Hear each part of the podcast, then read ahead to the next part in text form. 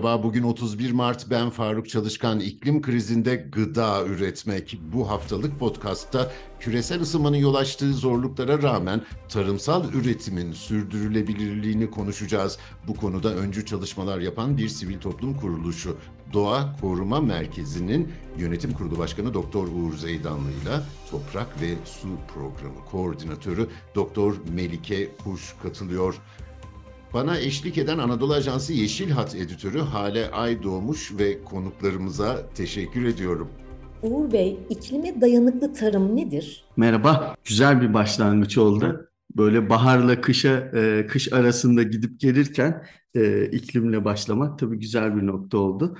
E, aslında siz de fark ediyorsunuz, hepimiz fark ediyoruz artık. E, eskiden bu şekilde değildi ama iklim değişikliğinin etkilerini yaşıyoruz. Ee, özellikle de tarım sektöründe bunun olumsuz e, yansımaları büyük oranda hissediliyor. Bu olumsuz etkilere karşı bizim üretimimizi ve çiftçimizi ikisini beraber ele almak lazım. E, korumak ve güçlendirmek aslında e, bu olumsuz etkilerin bize yansımalarını nasıl minimize edebiliriz, azaltabiliriz? Bununla ilgili çabaları aslında iklime, iklim değişikliğine duyarlı veya dayanıklı tarım diyoruz. Ama ben burada şöyle bir şey daha eklemek istiyorum aslında. E, bu konuyu iklim ve çevre iki, iki boyutuyla beraber ele almak lazım. Yani hem iklime dayanıklı hem de çevre dostu tarım olarak ele almak lazım. Çünkü çevresel etkiyi de azaltan bir mekanizmaya ihtiyacımız var. Bunun da sebebi aslında yine iklimle ilgili. Çünkü bizim tarım alanlarımızın etrafındaki doğal ekosistemler bir yandan da tarımın sigortası. Bunları da kaybetmeden ikisini birlikte geliştirerek e, çözümler üretmemiz lazım. Ki zaten e, önümüzdeki dönemde e, duymuşsunuzdur işte bu Avrupa Birliği'nin yeşil mutabakat anlaşması var. E, prosedürleri yavaş yavaş devreye girmeye başlıyor. Biz eğer Avrupa ile e, tarımsal üretim e, yaptığımızda işte ihracat e, yapacağımız zaman e, bunların hem çevre hem iklim açısından duyarlı bir şekilde üretilmiş mallar, ürünler olması gerekiyor. O yüzden aslında sadece biz değil bütün dünya bu doğrultuda çok önemli adımlar atıyor, hamlelerde bulunuyor. Biz de e, elimizden geldiğince bunlara katkı vermeye çalışıyoruz. Bunun somut boyutunu insan merak ediyor. Melike Hanım, e, Doğa Koruma Merkezi'nin çalışmaları hakkında ilk aklınıza gelen öncelik sırasına göre e, hangilerini öne çıkarırsınız? Uğur Bey'in bahsettiği kapsamda hem doğayı koruyucu hem de çiftçinin gelir seviyesini arttıracak, onun için bir takım faydalar sağlayacak yöntemler uyguluyoruz biz. Öncelikle de tabii bunu yaparken biraz kaynakların optimize edilebilmesi, iyi kullanılabilmesi için kırılganlık analizleri yapıyoruz. Biliyorsunuz küresel modeller var. İklim değişikliğinin etkilerini gösteren 2050-2070 gibi uzak vadede işte sıcaklık artışı, yağış azalması gibi etkileri gösteren modeller var. Bu modelleri de kullanarak, başka bir takım parametreleri de kullanarak Türkiye'de en kırılgan alanları belirleyip buralarda uyum çalışmaları yapıyoruz. Ee, bu çalışmaların tabii e, bizim açımızdan yani en önemli hedefleri toprak ve su gibi iki tane önemli kaynağın korunabilmesi ve Uğur Bey'in bahsettiği bu e, çiftçinin tarımın faydalandığı pek de çok e, farkında olmadığımız bir takım ekosistem hizmetleri var, faydaları var. Bunların da korunması için çeşitli yöntemler çiftçiler için oraya alana götürüp uygulanmalarını sağlamaya çalışıyoruz. Ee, bunların herhalde en uzun vadede yaptığımız örneği doğrudan ekim, rüzgar perdesi. Ee, doğrudan ekim yöntemi toprağı mümkün olduğunca az sürerek e, toprağın üzerindeki anızın üzerine ekim, e, nemi koruyan, e, karbonu koruyan topraktaki. Bunun için de özel makineler var. Bunlar aslında yurt dışından taklit edilerek üretilmiş Türkiye versiyonları da olan makineler. Bunları işte çiftçi birliklerine, ziraat odalarına ya da bölgedeki bu konuda çalışma yapmak isteyen kurumlara hibe ederek çiftçilerin kullanmasını sağladık. Bir başka uygulamamız rüzgar perdesi. Bu da canlı ağaçlar dikerek rüzgarın en güçlü olduğu, rüzgar erozyonunun en güçlü olduğu alanlarda canlı perdelemeler yaparak toprağın korunması. Bunda da tabii tek başına ağaç dikmek değil mesele. E, orada bir sosyoekonomik değerlendirme de yapmak gerekiyor. Aslında bütün uygulamalar için geçerli bu. Çünkü her bölgede her uygulama çok kabul görmüyor. E, buna çok e, kültürel olarak da e, farklı tavırlar var. E, ekonomik olarak da farklı yaklaşımlar var. Bütün bunların bir arada değerlendirilmesiyle çeşitli yöntemleri uygulamaya çalışıyoruz. Bunlar sadece bahsettiğim iki tanesi. E, ama o bölgede bunları uygularken oluşacak e, sorunları izlemek, e, başarıları izlemek, sorunlara çözüm bulmak bu tür e, izlemelerin de yapılması gerekiyor uzun yıllar e, bu uygulamalar etrafında. E, burada şey örneğini vermek isterim. Biz doğrudan ekim yaptığımız arazilerde sanırım bir 10 sene falan oldu bir şey gözlemledik. Böyle e, kemirgen nüfusunun popülasyonunda bir artış gözlemledik. Bütün belki İç Anadolu bölgesinde olan bir şeydi ama çiftçiler bunu e, doğrudan ekim yöntemine e, bağladılar. Çünkü toprağa sürmüyorsunuz, farelerin yuvalarını yok etmiyorsunuz diye düşündüler haklı olarak. E, buna yönelik olarak da biz de hemen bir çözüm üretmeye çalıştık. Doğal bir çözüm üretmeye çalıştık. E, çünkü aksi takdirde çiftçiler fareleri e, öldürmek için çok ciddi insan sağlığı için e, risk taşıyan, işte çevresel olarak çok risk taşıyan fare zehirleri kullanmaya başlamışlardı. E, biz de bu kapsamda baykuş ve kerkenez yuvaları yaptık tarlaların etrafında. E, bunlar yırtıcı kuşlar. Bir tanesi gece avlanıyor, bir tanesi gündüz avlanıyor. E, ve doğa dostu bir yaklaşım bu. E, bu tür çözümler üreterek ilerlemek gerekiyor. Çünkü e, maalesef her derde deva bir çözüm yok. Ve e, deneme yanılma yöntemiyle en iyi yöntemi bulup bunu yaygınlaştırması gibi bir çabamız var. E, Sayın Zeydanlı ben de size sormak isterim. Şimdi gıdanın iklim krizinde stratejik güvenlik meselesi olduğunu söylersek yanılır mıyız? Bunun için çok daha büyük bir seferberlik gerekiyor zannedersem. E, zaten bütün konuştuklarımız da buna işaret diye düşünüyorum. Ee, Evet çok önemli bir noktaya değindiniz aslında e, ki bunu bizim ulusal ölçeği bırakın küresel ölçekte bu Rusya-Ukrayna savaşında yaşadık. E, gıda arzının sürdürülebilirliğinin ne kadar kritik olduğunu ve bütün dünyada zincirleme bir e, krize tetik, e, tetikleyebileceğini yaşadık. E, ulusal ölçekte de tabii çok önemli bu. Özellikle de kriz anlarında kendi gıdanızı üretebiliyor olmanız, gıda arzının sürdürülebilirliğini sağlamanın kritik bir önemi var.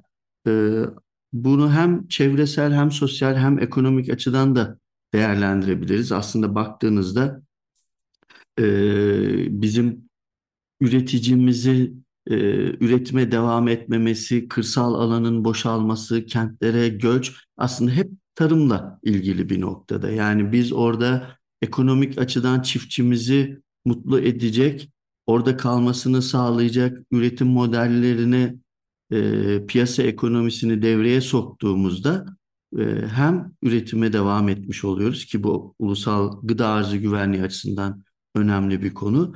Hem çiftçimiz e, nüfus hareketleriyle insanların büyük şehirlere göç edip orada bir yoğunluk ve başka sosyal sorunların oluşmaması açısından da önemli. E hem de e, ülkemizin arazilerini, topraklarını verimli bir şekilde kullanmış oluyoruz. E, sosyal açıdan da, ekonomik açıdan da önemli. Çevresel açıdan baktığımızda e, şu anda iklim krizi nedeniyle aslında en önemli konulardan biri su. Su kaynaklarının korunması ve doğru kullanılması.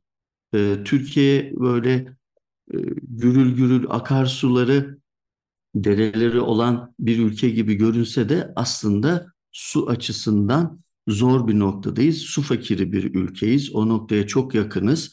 E, bunun iki sebebi var. İklim değişikliği yüzünden e, su kaynaklarının yağışın azalması. İkincisi de nüfusun artması yüzünden kişi başına düşen su miktarının azalması. Ama bir de üçüncü bir boyutu var. Suyu daha verimli kullanma konusunda biraz yavaş kalmamız. Bunun en başı en önemlilerinden biri de tabii ki tarım sektörü ve gıda üretimi. Ee, biz tarım sektöründe suyun doğru bir şekilde kullanılmasını sağlayamadığımız takdirde önümüzde yine ulusal güvenliğe de çok kolay bir şekilde bağlayabileceğimiz bir su sorunu ortaya çıkacak. Yani aslında ne hangi açıdan bakarsanız bakın e, üretim, gıda, tarım sektörü, gıda üretimi e, çok önemli bir konu. E, biz hep e, ulusal ekonomik modelimiz hep sanayileşme, kalkınmayı hep sanayileşme üzerinden tartışıyoruz. Ama tarım gibi, gıda üretimi gibi stratejik konuları da çok böyle farklı boyutlarıyla hem nüfus hareketleri hem sosyal hem toprak hem su kaynakları e, açısından e, ele alıp çözümlerimizi mutlaka iyi çalışmamız lazım. Ben yine sahaya dönmek istiyorum. Ee, Melike Hanım'ın e, biyolojik mücadele örneği e, benim yıllardır e, merakla takip ettiğim bir konuydu. Leyleklere, tilkilere gereksiz yerde ateş açan köylülerimiz oluyordu. Ve bir zihniyet değişimine ihtiyaç var. Ve yaşam tarzı, bir şeyi yapma biçiminin değişmesi gerekiyor. Ama aynı zamanda ekonomik realiteler de var. Şimdi bu bakış açısıyla ele aldığımızda bir e, aile işletmesine gittiğimizde nereden başlayacağız bu dönüşüme? Dönüşümün kendisi bazen aslında kendiliğinden de olabiliyor. İşte bu iklim krizinin getirdiği e, ekstrem olaylar örneğin çiftçileri bir takım değişiklikleri zorluyor. E, ama siz yeni bir yöntem e, tanıtmak istiyorsanız ya da çiftçinin daha önce pek denemediği bir yöntem tanıtmak istiyorsanız bu biraz böyle bir e, örgütlülük de gerektiriyor. Çünkü biz Ankara'da bir vakıfız. Ee, Konya'da çalışıyoruz, Urfa'da çeşitli yerlerde çalışıyoruz Türkiye'nin çeşitli bölgelerinde. Ee, ama orayı asıl tanıyan, çiftçinin davranışlarını bilen, e, önder çiftçilerin nerede olduğunu bilen, çünkü önder çiftçiler çok önemli. Bir köyde birkaç çiftçi deneyip başarılı olduktan sonra o işin yaygınlaşması daha kolay oluyor. Çünkü e, çiftçinin beyni gözünde diye bir deyim var. Dolayısıyla bir yerden başlarken hani en kırılan alanları belirledik. Oralara yatırım yapmak gerektiğini düşünüyoruz. Bölgeye gittik. Oradaki kurumlarla işbirliği çok önemli. Onların da desteğiyle çalışılacak örnek alanlar, pilot alanlar seçildikten sonra da yöntemin çok iyi anlatılması gerekiyor. Çünkü çiftçiler aslında şu konuda çok haklılar. Yani bu, bu yöntemleri tanımıyorlar. Bir takım riskler de barındırıyor. Ee, birlikte çalıştığımız bir hocamızın Erhan Akçan'ın bir sözü vardır. Ee, yani özellikle kuru tarım e, yapan bir çiftçi senede bir kez maaş alan memur gibi. Dolayısıyla o maaşını da çok fazla riske atmak istemiyor. Siz bir yöntemle gittiğiniz zaman bunu iyi tanıtırsanız, iyi örneklerini gösterebilirseniz e, çiftçi zaten e, ikna oluyor ve hemen denemek istiyor. Ama bu riskleri yine de minimize etmekte fayda var. Bunun için bir takım tarımsal desteklerin e, tanımlanması, verilmesi gerekiyor. Hali hazırda tarımsal desteklerimiz var. E, ancak bunların tabii iklim değişikliğine uyum çerçevesinde, doğayı koruyacak e, yöntemler çerçevesinde yeniden şekillendirilmesi e, önemli. Buna e, örnek e, Çatak diye bir program vardı, yıllarca uygulandı Türkiye'de. E, ve bir takım hem doğa dostu hem de çiftçinin e, gelirin arttırıcı yöntemler, toprağı suyu koruyucu yöntemler uygulandı e, ve başarılar elde edildi. Çiftçi burada finansal olarak da desteklendi. E, bu davranış değişikliklerinin kalıcı olabilmesi için tabii o işin sürdürülebilirliği çok önemli. Bu açıdan da biz çok uzunca yıllardır e, benzer alanlarda, aynı alanlarda çalışıp dediğim gibi hem izlemeye çalışıyoruz olası sorunları engellemek adına e, hem de bu işin o bölgelerde yaygınlaştırılıp önce olması için çabalıyoruz. Eğer çiftçi görürse başarısını e, ve e, alabileceği riskleri ve kazançlarını karşılaştırabilirse e, bir yöntemin uygulanması e, oldukça kolay hale geliyor. E, ama dediğim gibi hani şey yok böyle tek bir çözüm her yerde uygulanabilir durumda değil. E, doğrudan ekim yöntemini biz uzunca yıllardır Konya'da uyguluyoruz. E, aslında biraz da zaten bu işin en, en çok uygulandığı bölge orası. Bizim dışımızda da yapılan çalışmalar var. Ama bir başka bölgeye gittiğiniz zaman orada hiç tanınmadığını görüyorsunuz. E, denendiği zaman başarısız olduğu vakaları öğreniyorsunuz. E, çünkü bir takım başka etkenler de var. Yani çünkü çift e, tarım çok fazla etkenin bir arada olduğu bir üretim e, biçimi. E, sadece iklimsel olaylar değil, e, toprak yapısı, coğrafi koşullar, e, kültürel yapı, e, oradaki başka e, kurumsal olarak e, farklı oluşumlar, kurumların bu işlere bakış açıları da çok önemli. Dolayısıyla ilk, e, örnek çalışmalar yapmak, bunları yaygınlaştırmak, e, başarılarını tanıtmak ama başarısızlıklarını da gösterebilmek, yani o riskleri de gösterebilmek önemli. Bu anlamda biz son yıllarda deneyim paylaşım ve bilgi paylaşımına çok önem verdik. Çünkü her yöntemi her yerde deneyip bunun sonuçlarını bekleme gibi bir lüksümüz yok. İklim krizi çok hızlı ilerliyor. Her geçen yıl e, iklimsel afetler artmaya başladı. Dolayısıyla birbirimizden e, öğrenmek çok ana, önemli hale geldi. E, bu kapsamda da e, sivil toplumla başlayan ama şu anda e, kamu kurumları, özel sektör, akademi birçok e, farklı paydaşları içeren bir iklime dirençli tarım ağımız var. E, bu ağ e, formal bir ağ değil e, ama çok iyi haberleştiğimiz, birbirimizi deneyimlerimizle beslediğimiz e, ve birbirimize destek olduğumuz bir ağ. Bu tür örgütlenmelerin işte yerelde de yapılması gerekiyor. Hani biz biraz ulusal ölçekteyiz. E, birkaç ilde daha yerel ölçekte de çalışıyoruz ama yerelde de bu örgütlenmelerin yapılması, e, çiftçilerin birbirinden öğrenmesi, bu öğrenme sürecinin hızlandırılması, destek olunması e, oldukça önemli. Siz iklim modellemelerine göre e, bir ortaya çıkan tabloya göre aslında e, bu veri tabanınızla e, adımlar atıyorsunuz. Bu tabii ki çok önemli e, ve muhakkak ürünler kadar e, Sayın Zeydanlı'nın da söylediği gibi su konusu da önemli. En son Tarım Bakanlığı e, kuraklığa dayanıklı çeşitlerin ekimini yaygınlaştıracaklarını açıkladı. E, dün ha, hatta bununla ilgili detaylar da paylaşıldı. Bu konuda da görüşünüzü almak isterim. Yani sahada muhakkak ki bütün e, unsurların bir arada yürütülmesi gerekiyor ama bu ekim yönteminin değiştirilmesi zannedersem elimizi epey rahatlatacak. Evet, kuraklığa dayanıklı çeşitler konusunda biz yıllardır e, Konya'da Bahri Dağdaş Uluslararası Tarımsal Araştırma Enstitüsü ile birlikte çalışıyoruz. Onların bu konudaki yaptıkları çalışmaları takip ediyoruz. Belki o bağlamda konuşabilirim. E, son yıllarda onlar kuraklığa dayanıklı buğday çeşitleri mesela çok e, üretmeye başladılar e, ve çiftçilerin de oldukça memnun olduklarını söylüyorlar. E, deneyimlerde hani kuraklığı kuraklık sebebiyle e, kayıpların azaldığı yönünde. E, bu çeşitlerin çoğaltılması, yaygınlaştırılması önemli. E, ancak yine kendi deneyimimden bahsedeyim. Kuraklığa dayanıklı olduğu halde doğru zamanda yağmur almadığı için çimlenemeyen bitkilere şahit oldum ben. Yani hani kuraklığa dayanıklı aslında biraz gözünüzde çok güçlü bir şey gibi görünüyor ama araç gibi görünüyor ama yani uzun vadede hani kuraklığa dayanıklı olması bir çeşitin yüzde yüz kuraklıktan etkilenmeyeceğinin garantisi değil. ama bu, bu çalışmalar tabii ki çok anlamlı. yapılması da gerekiyor. Belki ürün deseninin değiştirilmesi gerekiyor. Su tüketen bitkilerin bazı bölgelerden artık çıkarılması gerekiyor. Su kaynaklarının özellikle çok risk altı, altında olduğu bölgelerde. Orada daha kuru tarım e, ürünlerine doğru geçiş yapılması gerekiyor ama bu tabii tek başına böyle yine çok kolay bir geçiş olmaz. E, yıllardır sulh tarım yapan bir bölgede kazancı iyi olan bir bölgede siz çiftçilere hadi kuru tarım yapalım kazancınız düşecek diyemezsiniz. E, bunu da çok iyi destekleyerek desteklemelerle eğitimlerle farklı politikalarla ortaya koymanız gerekir.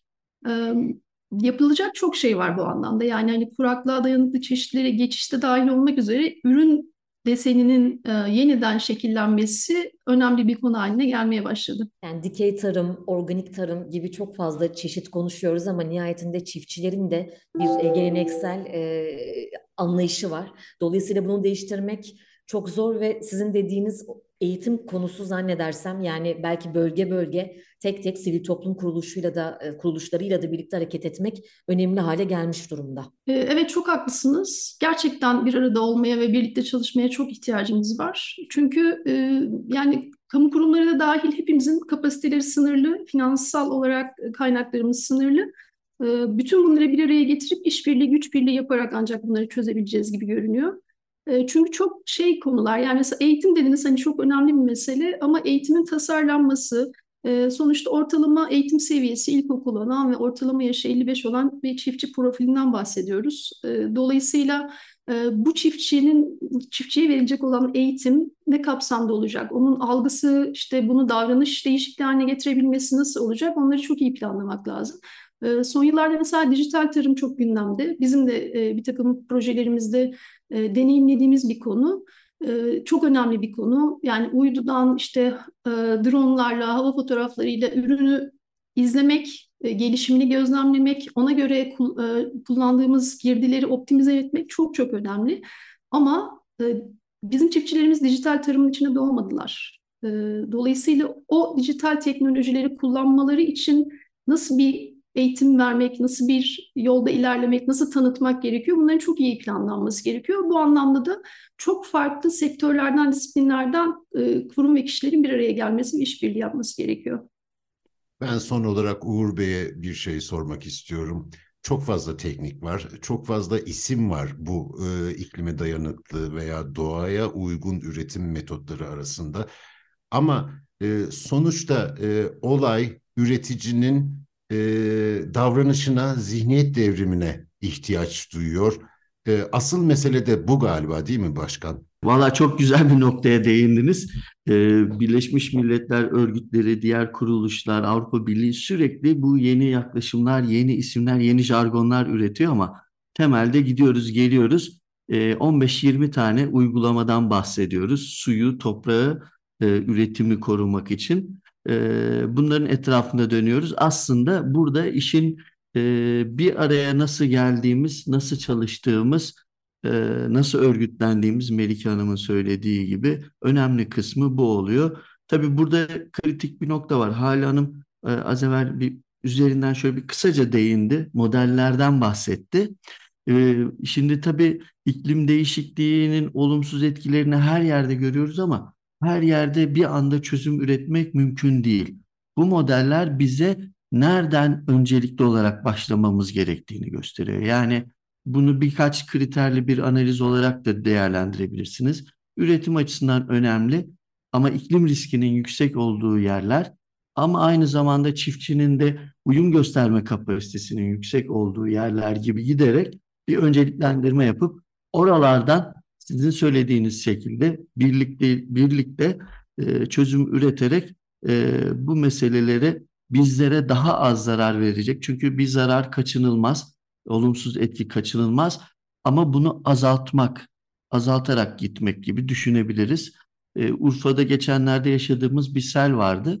Hemen ben onunla bağlayıp sözümü tamamlayayım. Biz hemen bir haritadan baktık. E, coğrafi bilgi sistemlerini kullanarak yukarı havzada o seli engelleyecek, durduracak ne var diye. E aslında bir baktığımızda orada yaklaşık 10-15 bin hektarlık bir araziden, e, havzadan bahsediyoruz. Yaklaşık bin hektarında sağlıklı bir bitki örtüsü, ağaç örtüsü olsa o seli belki tamamen engelleyemez ama etkisini çok büyük oranda azaltabilirdi. E, bizim de bu konuya böyle yaklaşmamız lazım. Yani hani sel olmayacaktı, hani kuraklık olmayacaktı, hani böcek istilası olmayacaktı gibi değil. Bunların etkilerini minimize ederek. Çünkü gerçekçi tablo ve yaklaşım bu aslında. Asıl e, yüzey üstü su birikimi ve bunun bir sele dönüşmesi o bölgesel aslında şehrin dışındaki geniş arazilerdeki suyu tutma kapasitemizle ilgiliydi. Biz de bununla ilgili bir başka podcast yapmıştık. Sayın e, Uğur Zeydanlı'ya ve e, Melike Kuş'a ve Anadolu Ajansı Yeşil Hat Öditörü e, Hale Aydoğmuş'a teşekkür ediyorum. Bizi hangi mecrada dinliyorsanız orada abone olmayı lütfen unutmayın. Hoşçakalın.